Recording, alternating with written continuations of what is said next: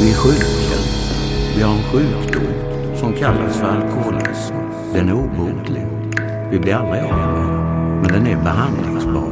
Och den viktigaste behandlingen den klarar vi av själva. Nämligen den att inte dricka.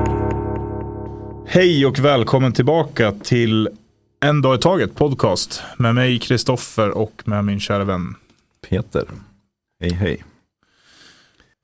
Den här podden är, eh, vi satt precis och pratade om det som man gör innan man trycker på record och börjar prata. Hur ska vi strukturera upp det här och vad ska vi prata om? Jag tror att det är nog en del att följa oss i våra tillfrisknande och tankar vi har kring det. Eh, Vi har båda varit nyktra i nästan fem månader. Och vi tänkte vi skulle nämna lite idag om det här med vad, vad kommer det för vinster med att vara nykter? Är det värt att ge upp? Det är det ju. Eh, vinster. Jag tänker ju direkt och säkert många som känner mig tänker direkt på att jag är ute och springer varje dag. Men det är ju en liten fara i det här också att man byter ut ett beroende mot ett annat. Eh, men eh, för, för mig har ju det här med att springa har ju blivit att det är en konsekvens som man klarar av när man är nykter. När jag drack förut så klarade inte jag av att träna på den nivån jag ville. Sen är det hårfint det där och man måste tänka sig för så att man inte fastnar i det här då att bara byta ut någonting mot det andra. Men vinster med att vara nykter, det finns så många vinster med att vara nykter. Dels det vi pratade om förra avsnittet att eh, sammanhållningen i de här programmen, det är något som jag kanske gjorde fel förra gången, jag, första gången jag blev nykter. Att jag, jag levde lite själv i det här och trodde att jag klarar det här själv och det går så lätt att vara nykter. Men när man börjar umgås med folk som har samma problematik, man vet exakt vad man pratar om, vi vet vad vi har för känslor, eh, då, då får man en effekt av det här som, som är en samhörighet som jag inte har känt tidigare på det här sättet. Eh, fantastiskt. Och det är ju en, jag låg också och tänkt på det här faktiskt igår innan vi skulle börja spela in den här podden, att det är häftigt på så kort tid vilka människor man har träffat och vad det känns som en egen kraft. Det, det har inte känts jobbigt på något sätt, inte konstlat, utan det sker. Eh, vad menar med det utan att låta flummig, men jag menar att tidigare så fick man liksom pressa fram allting eh, för att det skulle ske, för att man skulle orka eller vad det nu var. Nu sker kontakt med människor lättare, nya projekt, alltså allt, allt blir bara enklare. Och som du säger, det har aldrig varit så enkelt att förklara hur man känner när man pratar med likasinnade. Vilket gör att kommunikationen sen också med sina nära och kära och medberoende blir lättare för man får dela det innan och sammanfatta det på något sätt. Man lär sig ju uttrycka känslor. Det är, ju, Mm. det är ju det man jobbar mycket med inom programmen. Att, att kunna sätta fingret på känslan. Hur mår jag idag? Hur känner jag idag? Mm. Och att man får säga det. Det vi bedövar förut, det ska ut. Mm. Det är ju en positiv effekt av det här. Mm. Tid är ju någonting man hör mycket om. Folk har får mycket tid över. Eh, eller i alla fall tid att göra det man kanske känner är värdefullt snarare än att planera kring, före, efter, under sitt drickande. Eh, känner du igen det? Mm. Tid är ju, klockan sju på söndagmorgnar kan man ju få sådana här riktiga aha-upplevelser. Jaha, vad ska jag hitta på nu då? Eh, Söndagar var ju absolut en sån dag som sovs bort. Och pizza och sådana saker. Så det är ju, tid får man ju mycket. Eh, som man kan göra något vettigt av om man vill. Men Jag brukar säga folk frågar, jag har lagt ut lite på mina sociala medier. Jag har äntligen tagit tag i det här huset vi köpte för två år sedan. Som var liksom ett projekt som skulle sättas igång. Och, så här. Eh, och nu har det börjat hända grejer. Då brukar folk säga, ja men eh, ja, det hände mycket där. Ja, alltså, fan det bodde ju en alkis där innan mig. Eh, och det var var mycket sådär självömkan och jag har så mycket att göra på jobb och bra. Men mycket var ju bara ren och skär, alltså bakfylla och tid som man inte orkade ta tag i riktiga projekt och göra skillnad. Liksom ja, man valde ju att avsätta den tiden för att vara bakfull. Mm. Och för min del då i slutet, då var det ju nästan hela min tid var ju var bakis eller var full. Mm. Och det är klart att man, då får man ju många timmar över idag. Men som i mitt fall, som jag sa, jag tränar, jag umgås med min dotter, min flickvän. Alla de här sakerna kan man ju göra på ett man kan ju vara närvarande i de sakerna. Nu, det är ju inte som det kanske var förut, en pina ska jag inte säga, men det var ju, ibland var det jobbigt. Mm. Nu kan man finnas där och vara någonting för dem också. Sen som du sa, att vara närvarande, eh, det är någonting man absolut inte är när man är aktiv. Och jag vet, äta ute middagar med familjen och sådär. Det var ju bara så här, man kunde ha haft en pissig dag på jobbet. Allt var ju pissigt när man var aktiv. Det, allt var ju en ursäkt för att dricka. Men då tänkte man, ja men då åker vi och, och gör familjekvalitet, vi åker ut och äter. Liksom. Det var ju lika tecken med att sitta och, och bli full legitimt med familjen. Liksom. Eh, men det är också en grej som jag hade så här eh, i början, nu låter, men jag är nynykter, men i början av min nykterhet så tänkte jag, fan, alltså jag som älskar att gå ut och äta, så här, det kommer jag aldrig mer få göra på det här sättet. Så här senaste gången jag varit ute och ätit så har jag liksom upptäckt hur jag njuter av att vara och äta med min familj. Det låter ju så klyschigt men så är det ju också. Jag känner verkligen att jag är där, jag njuter av maten, jag njuter av mitt sällskap, jag njuter av stunden. Eh, och inte stressen i att sista beställningen eller fan har jag någon sprit hemma så jag kan jobba vidare på den här fyllan när jag kommer hem. Jag känner igen mig så otroligt det där du säger nu. Eh, nej men det blir ju gott att gå ut och äta nu. Man mm. känner ju vad maten smakar och som du säger, den här stressen, det var ju redan, jag hade ju redan när jag kom in på restaurangen så var det liksom var servitrisen var. För att jag var ju tvungen att få i mig något, liksom, nästan innan man hann sätta sig. Mm. Och det där har jag ju hört från min omgivning efteråt, liksom, att det var ju ett stresspåslag för andra. För de visste ju det, att jag var ju inte under kontroll förrän jag hade fått den där ölen eller vad det nu var. Mm. Så nu kan man ju njuta av det här och sen kan man ju faktiskt gå upp då som jag sa klockan sju på morgonen dagen efter och må ganska bra. Det gjorde man ju inte då. Nej. Man var ute på de här tillställningarna. Eh, sen skulle man ju ofta vara lite då centrum hela tiden och föra diskussioner och så. Det bör man ju inte heller vara. Det är också det här med att lyssna på andra. Man kan faktiskt låta andra prata under middagen också. Mm. Dra sig tillbaka lite grann. Det är också ganska skönt. Ja, även om man... det finns saker i ens personlighet som alltid kommer finnas kvar tror jag. Och det är väl det att man... Eh, man samlas väl kanske ofta mycket diskussion så kring sig. Men det jag märker, framförallt så är det väl naturen av det man diskuterar. Jag tycker inte längre att jag har något behov av, jag sa till min sambo, fan jag har inte varit ute på Twitter på på fem månader typ.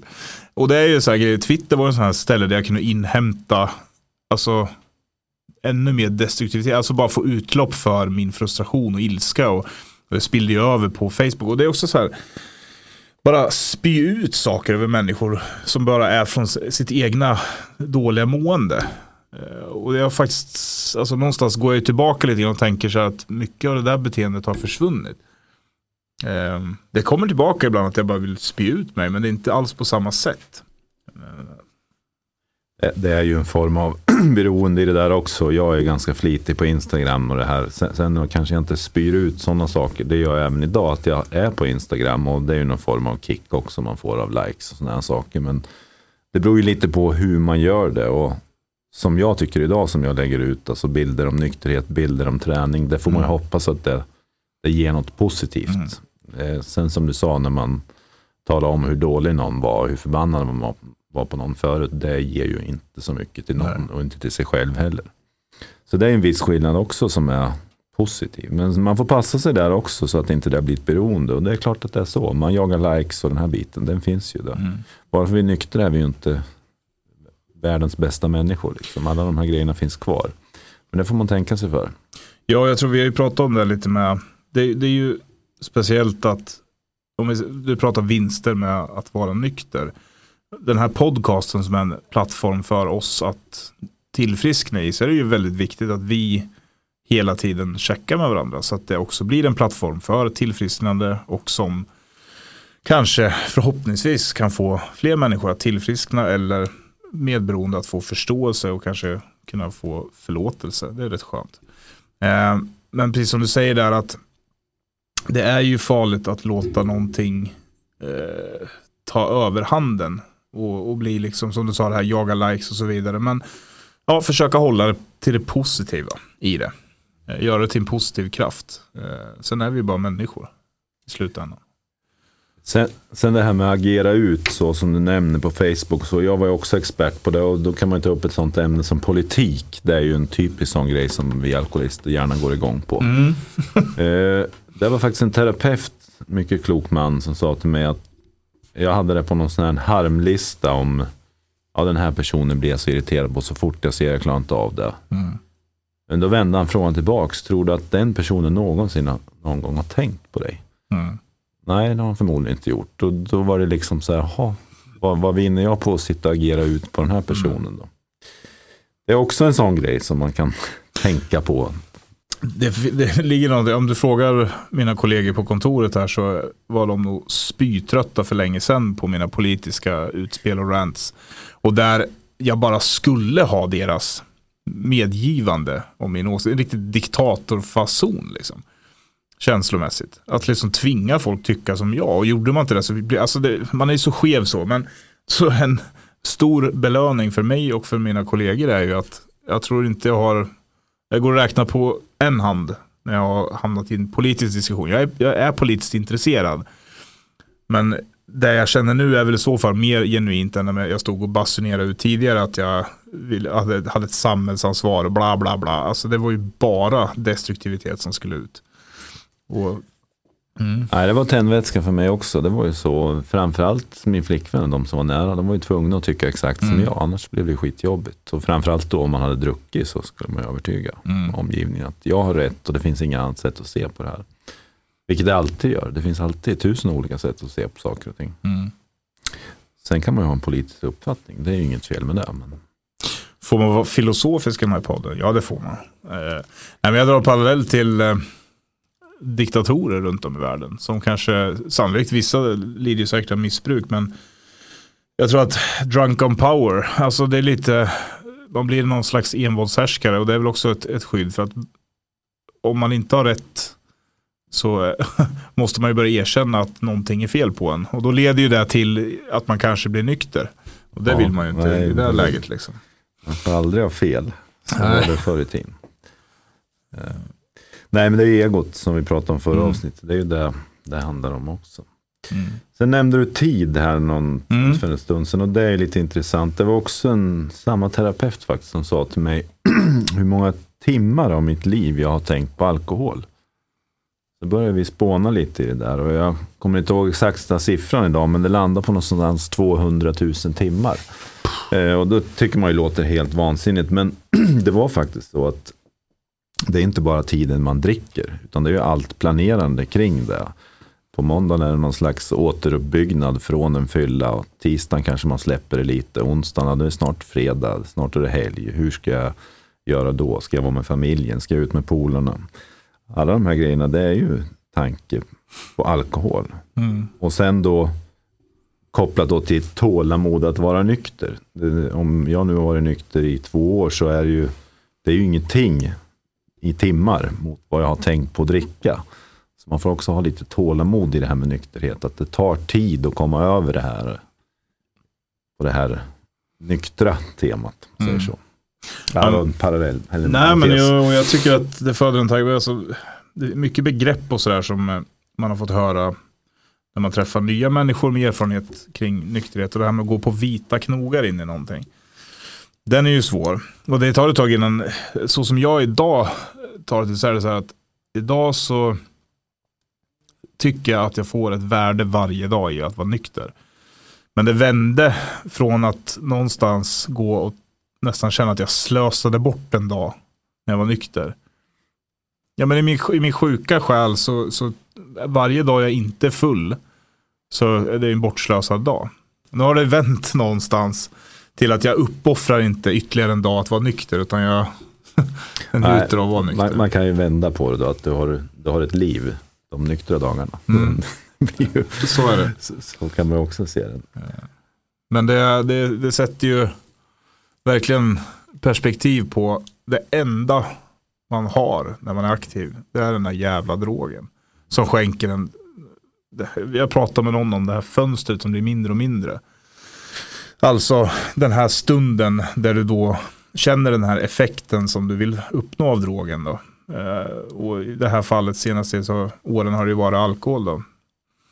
Och när man liksom sitter och håller för näsan för att skälpa i sig vinglas efter vinglas för att liksom inte spy.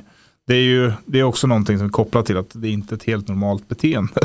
Som vi kanske brukar säga. Um, ja. Sen kommer det ju från att det, det är ju så. I början var det ju roligt att dricka. Mm. Det var jätteroligt. Jag har massor i mitt liv som har varit jätteroligt förknippat med, alltså kan man säga lycka alltså, som mm. har varit. Men det är ju när det börjar tippa över. Det är ju då det börjar bli, när konsekvenserna börjar komma. Mm. Eh, det är tufft. Men belöningsmänniskor som vi är då, som alla är, ska vi tilläggas, fast på olika destruktiva sätt eller positiva sätt. Så är det just det där att våga ha lite tillit och ta den där dagen i taget så kommer, så vänder, i alla fall för mig var det så. Det, det tippade över från att jag offrade en dag till nykterheten så fick jag en dag i nykterheten. Eh, så det är, det är väl den största vinsten kanske. Som sen ger massa annat. Eh, du pratar ja, men om det här med att kunna sitta med sin familj och känna att man, man tar in inte bara vad maten smakar utan man tar in deras känslor och ser att de njuter av någonting. Inte bara att man undviker ögonkontakten med sitt barn eller sin sambo tills dess att man är tillräckligt full för att inte orka bry sig längre. Och då ser man inte längre hur dåligt de mår av att man sitter och är full ute på, på lokal. Då. Man kan ju ge någonting, det är ju det mm. som är skillnaden. Att man kan ge och så se att folk faktiskt njuter av att vara med en. Så mm. var det ju inte förut. Utan när man hade tagit några glas så såg man ju tvärtom. Att folk njuter inte av att vara med en. Mm. Och det vart ett skampåslag också i slutändan. Mm. Så det drack man väl ännu mer på bara just där att man mm. visste om det. Men jag känner ju det när jag är med min dotter framförallt idag. Där känner jag ju verkligen att det finns inget att diskutera om den här vägen. Alltså att jag kan ge och känna med henne och finnas för henne idag. Oavsett vad hon kommer gå igenom så finns jag där. Mm. Jag kan åka och hämta henne. Det gick ju inte förut. Helgerna jag kunde inte göra någonting. Hade det hänt henne någonting, jag hade inte kunnat åka till någon sjukhus. Utan det var ju taxi och där, där känner jag att man, det är en sån skillnad. Mm. Att, att med gott samvete kunna ge ens barn någonting. Ja, och i det få känna, precis som du är inne på, den här styrkan som är riktig styrka för sina barn. Eh, att faktiskt kunna hantera saker som sker i livet, som kommer ske oavsett om du är packad full hög, vad det nu än är.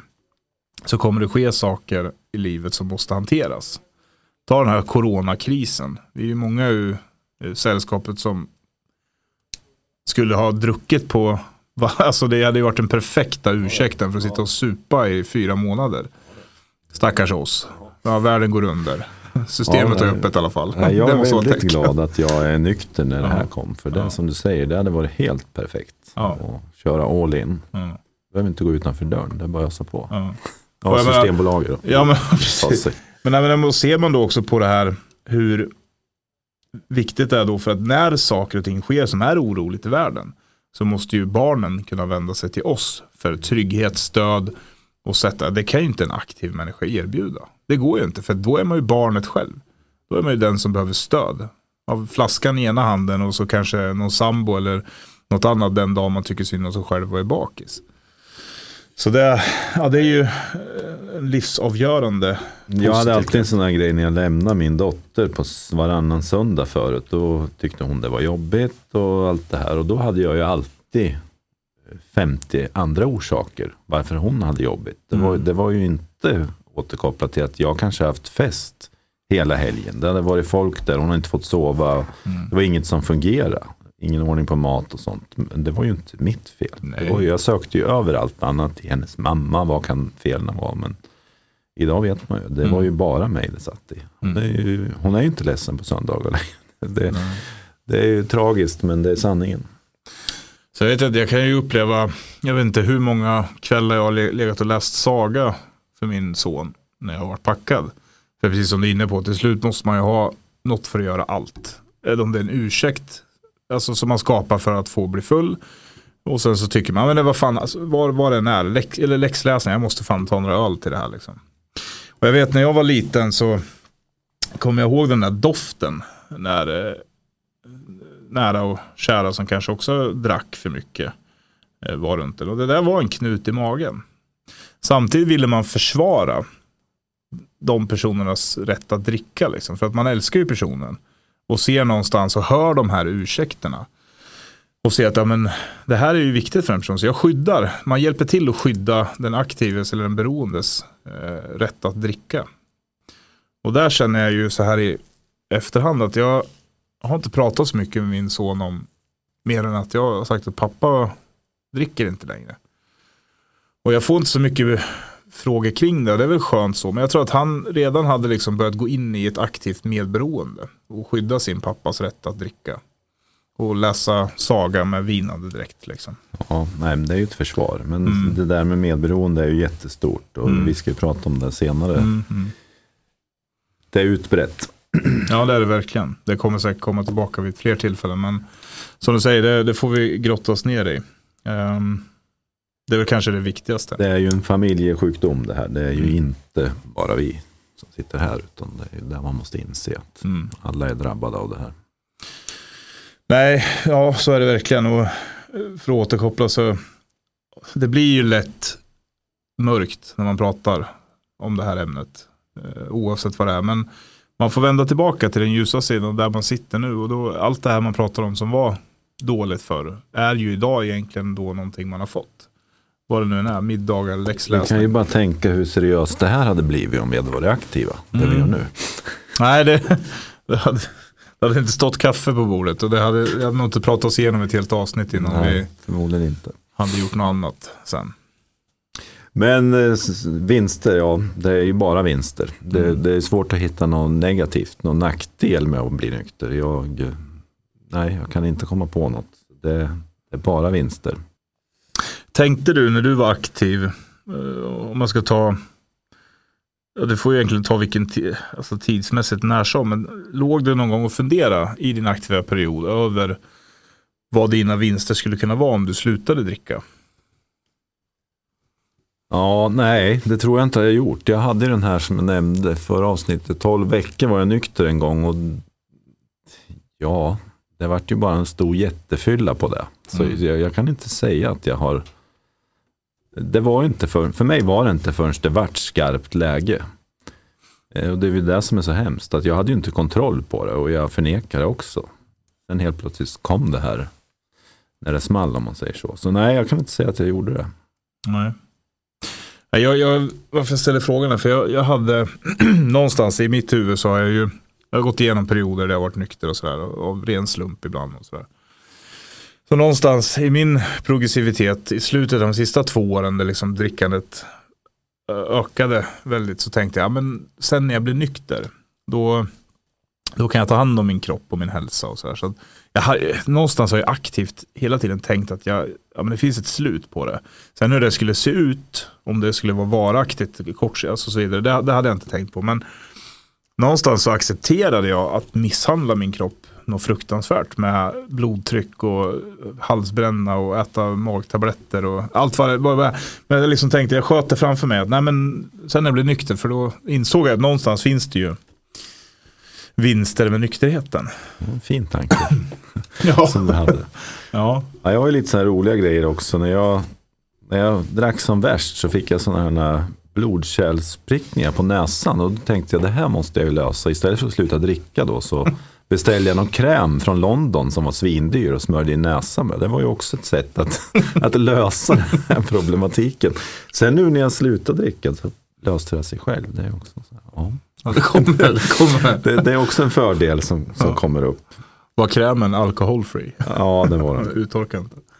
Nej, men så är det ju. Och, men sen har jag också accepterat att det är ju inte bara, eh, jag hade väl trott någonstans, eller jag trodde det i min aktiva period, att Ja, men du vet, hade jag varit nykter i två veckor så ställde jag mig gärna på vågen och tänkte att nu har 20 kilo trillat av här.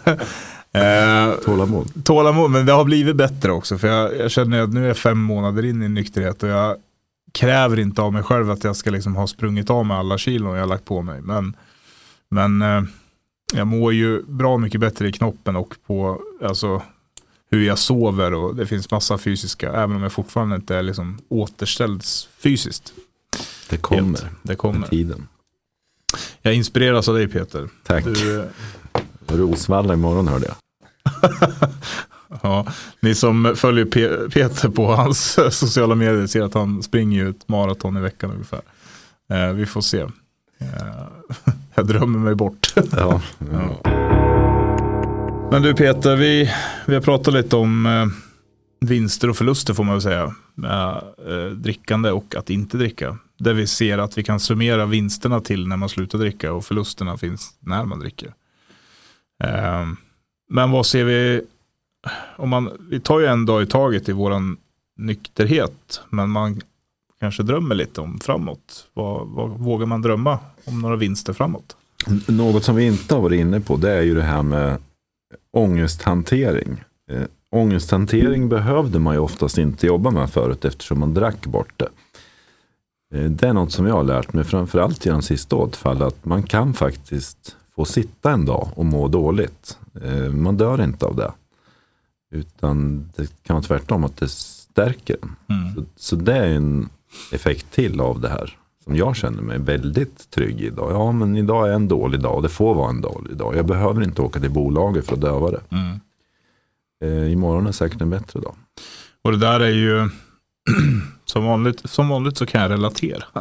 Nej men det, det där är också en grej som sammanvävs med allt det här som vi pratar om, att man är ärlig och så vidare. Och en dålig dag idag, då kan jag kommunicera det på ett helt annat sätt. Och säga, lite som du sa där tidigare, att man börjar kunna sätta fingret på, ibland så är det egentligen inte så jävla illa, men känslorna kan utspela sig värre än vad det är. Men man vet om att det är inte så illa och det är rätt skönt att kunna kommunicera det till sin omgivning som kommer hem och blir orolig och på spänn och som känner igen beteendet att oj, det här känner jag igen varningssignalerna. Och då få höra av personen i fråga att Nej, men det är inte så jävla illa. Jag känner mig sänkt idag, men jag behöver vila och, och samla mig. Det kommer, precis som du sa, det kommer vara en bättre dag imorgon. Det är fantastiskt skönt att ha det. Ja, det är ett nytt sätt att leva helt enkelt. För det där var ju väldigt lätt att dricka på förut. Eh, sen framtida effekter som du var inne på, där det är ju mycket om man tittar långt bort, alltså det är ju mycket följdsjukdomar, framförallt på alkohol. Alltså Mm. det är ju så. Eh, Man kanske får några år till i livet och man kanske kan ha bättre, ett bättre liv på vägen dit också. Det är ju Mm. det som är. Eh, Jag känner ju allting och som jag var inne på förut med träning och där jag kan ju träna ganska hårt, nästan på elitnivå nu. Det hade varit helt omöjligt att göra Mm. när jag var aktiv. Jag försökte ju cykla och sådär, men det, ja, springa som jag gör idag, det hade ju aldrig gått. Och jag köper helt vad du menar med att man kanske faktiskt, eller rent vetenskapligt vet man att man förlänger livet. Men sen har man ju också en tanke om att våga ha kvalitet och vara närvarande de dagar vi lever och har, får, om man säger. Oavsett vad som händer. Och det är väl det som är också att man accepterar sådana kriser som är med corona eller saker som sker runt om i livet som är okontrollerbara av dig själv. Men man kan acceptera det och så finna sig i det och så liksom blicka på det som är bra. Och sen rastlösheten tycker jag, jag hade aldrig i helvete trott att jag skulle liksom spendera så här många helger med att göra jag har gjort massor, men alltså vad jag tyckte innan, göra ingenting. inget fest, inget ut, inget, utan bara, bara vara liksom. Nej, det var ju en stress förut hela tiden, som är borta nu i princip. Så kände jag ju också. Det var ju alltid en stress till nästa glas eller nästa fest. Och den fanns ju där hela tiden, oavsett vad man gjorde. Så att man på ett möte eller vad man än gjorde så fanns det ju en stress, en inre stress. Och det gör ju att man kan koppla av på ett annat sätt. Och det här är återigen, när vi pratar om förut, det smittar förhoppningsvis av sig på omgivningen också. Att de ser att man är en lugnare person. Så, så det är inte bara för en själv, det, det är bra för andra också. Jag vet inte om det fanns, alltså nu vågar man ju ändå ta, ta upp det här för diskussion om långsiktiga drömmar och mål och tankar. Det fanns ju inga långsiktiga belöningar med att vara aktiv. Men det menar jag att men, precis som en fredag förut, det kunde ju vara fyllt av adrenalin och glädje i sin aktiva. Man visste att nu jävlar, fan nu stämplar jag snart ut här mentalt, åker till bolaget och det hem till altanen, grilla, bli full och så kommer det vänner och det här adrenalinpåslaget och den här kick, kicken man sökte. Men den kortsiktiga kicken var i så fall det enda man hade. Och jag kommer ihåg, jag skulle ut och åka jänkare med en polare. Och så hade jag fixat en flaska vodka och, och eh, 10-15 öl någonting. Och så satt det där och sen ganska snabbt blev ölen ointressant för det, det handlar ju bara om att få i sig så mycket sprit som möjligt och nå den där nivån, fönstret som vi har pratat om. Och så slut och pissar vi, ja vi stannar till då, så tappar jag den där jävla vodkaflaskan. Och det var fan som att, du vet någon sköt mig i pulsådern och jag såg mitt blod rinna ur bara framför mig. Och helt plötsligt, och då det ser man det, det fanns inget, det var inget minne jag ville bygga, det var ingenting, den här kvällen ska jag minnas för alltid. Var bara den där kicken, få i mig den där jävla vodkan, bli stupfull och sen ramla hem. Nej men det är ju det. Och sen hade man ju det, jag vet inte vad det rör sig om i tid, men man har ju en 40-45 minuter kanske som är ganska fantastiska då. Men Mm. det är ju inte mer, för sen blir man för onykter och Mm. sen blir det tokigt. Så, Och jag trodde aldrig jag skulle, liksom, jag kunde nästan känna mig abstinent på vägen in i, alltså även när jag började dricka. Så hade jag liksom den här, det kliade fan i kroppen, jag kunde inte känna mig, och då hade jag ändå börjat dricka redan. Liksom. det går för sakta. Ja, det går för sakta. Då får man ta starka grejer. Ja, och så börjar man liksom, och så, det där fönstret bara krymper och krymper och krymper. Mm. Jag vet vad någon jag lyssnar på som just sa, alltså det här när man, att ta ett, jag försöker tänka på det här med att ta ett återfall, alltså att det, den här, du kan ju, jag har också tagit återfall men inte när jag än så länge och tack och lov tar jag en dag i taket men, men just det här att jag drömde kan jag väl säga då för två dagar sedan att jag tog ett återfall. Eh, jag var törstig som fan och stod på en altan. Och så, det jag hade i handen var helt plötsligt öl. Så jag drog, drog en klunk öl. Och den här tomheten jag kände av att nu hände det liksom. Och så drack jag lite mer på det där. Och det var så verkligt så att jag, jag var full liksom. Och jag kommer ihåg att det, det, fanns, det fanns inte ens, jag fick inte ens fönstret liksom. Nej, det kom inget. Nej. Och, ja, jag tror det hängde ihop med också. För jag, jag började ljuga för dig nämligen. För vi skulle spela in den här podden. Jaha. Och jag tänkte, Nu kommer jag, det fram. Ja, jag tänkte jag kan ju inte berätta att jag precis har tagit ett återfall här när jag ska sitta i podcast. Så allt var över liksom. På, Det var slut. ja, ja det vart det flummigt. Men eh, ja, usch. Det är inget härligt alls. Eh, angående återfall där, det är också, det var ju för mig helt otänkbart förut att ta ett återfall. Jag förstod inte hur folk kunde ta ett återfall, men nu har jag gjort det och det kanske är så att det, det, det ger också någonting. Mm. För det är många som inte går rätt igenom det här och blir nyktra och sen lever man så resten av livet. Det, det är en del insikter som måste falla på plats. Nu säger jag inte att du ska ta ett återfall, men Ja, men man, man ska inte vara rädd för det heller, för att när man är i det här programmet så kommer man ofta ur det på Mm. rätt sätt. Sen får man ju se till att det inte blir sådana konsekvenser. Nej men där, vi har varit inne på det här med ärligheten och då också säga, eh, jag har ju haft, min sjuka del av mig själv har ju sett fram emot återfallet. Jag, ser, jag har ju belönat mig själv att om jag står ut lite till bara och håller jag mig nykter till den här punkten eller gör det här så har jag mitt återfall kvar att ta sen. När jag får, alltså för att ibland skrämmer nykterheten mig något fruktansvärt, alltså ex, på ett existentiellt plan. Där jag liksom inser att Åh, fan följer jag det här så kommer jag aldrig mer få känna mig, jag får aldrig mer nå den där punkten. Och då blir det läskigt och då backar jag tillbaka till det här en dag i taget. Men samtidigt så vill jag vara flagga för det här för att det, det är en del i mig som vill använda återfall som en ursäkt att också få dricka. Inte för att söka lärdom ur, utan bara för att få dricka. Liksom. Nej, men det finns ju lärdom där och det, Mm. så var det för mig. Det var en riktig upptäckt att nej, det här går inte. Mm. Det har varit tokigare än det varit tidigare och det går inte. Så idag känner jag bara en trygghet i att det blev så. Mm. Men som sagt, jag hann ju ställa till det där också och konsekvenser för andra. Så Mm. är det ju. Det går snabbt, det gör Mm.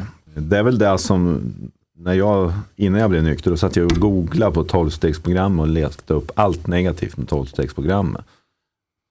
Sjukt såklart, Mm. men där kunde man ju faktiskt se det att fallerna blir ju hårdare när man är i 12-stegsprogram och det är ju just därför att man ställer ju om hjärnan. Mm. Och ens hjärna förstår ju att det går inte att dricka och det blir ju en jättekonflikt inombords då. När man tar återfall. Men som sagt, man kommer ur det snabbt. Mm. Det går fort att komma tillbaks och komma på banan igen. Jag var hos en psykolog eh, för ett par år sedan. Som jag gick till eh, frivilligt. Ehm, och vi pratade om, och jag var ganska öppen med att jag inte haft en speciellt sund relation till alkohol och droger genom mitt vuxna liv. Eller sen jag var barn.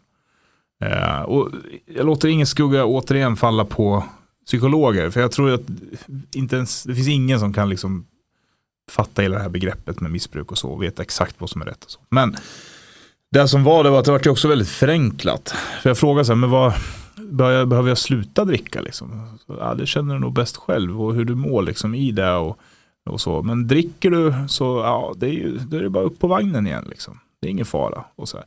och det, det, då, då lät det så oförargligt. Liksom. Ja, det är ju för fasen bara hoppa upp på vagnen igen.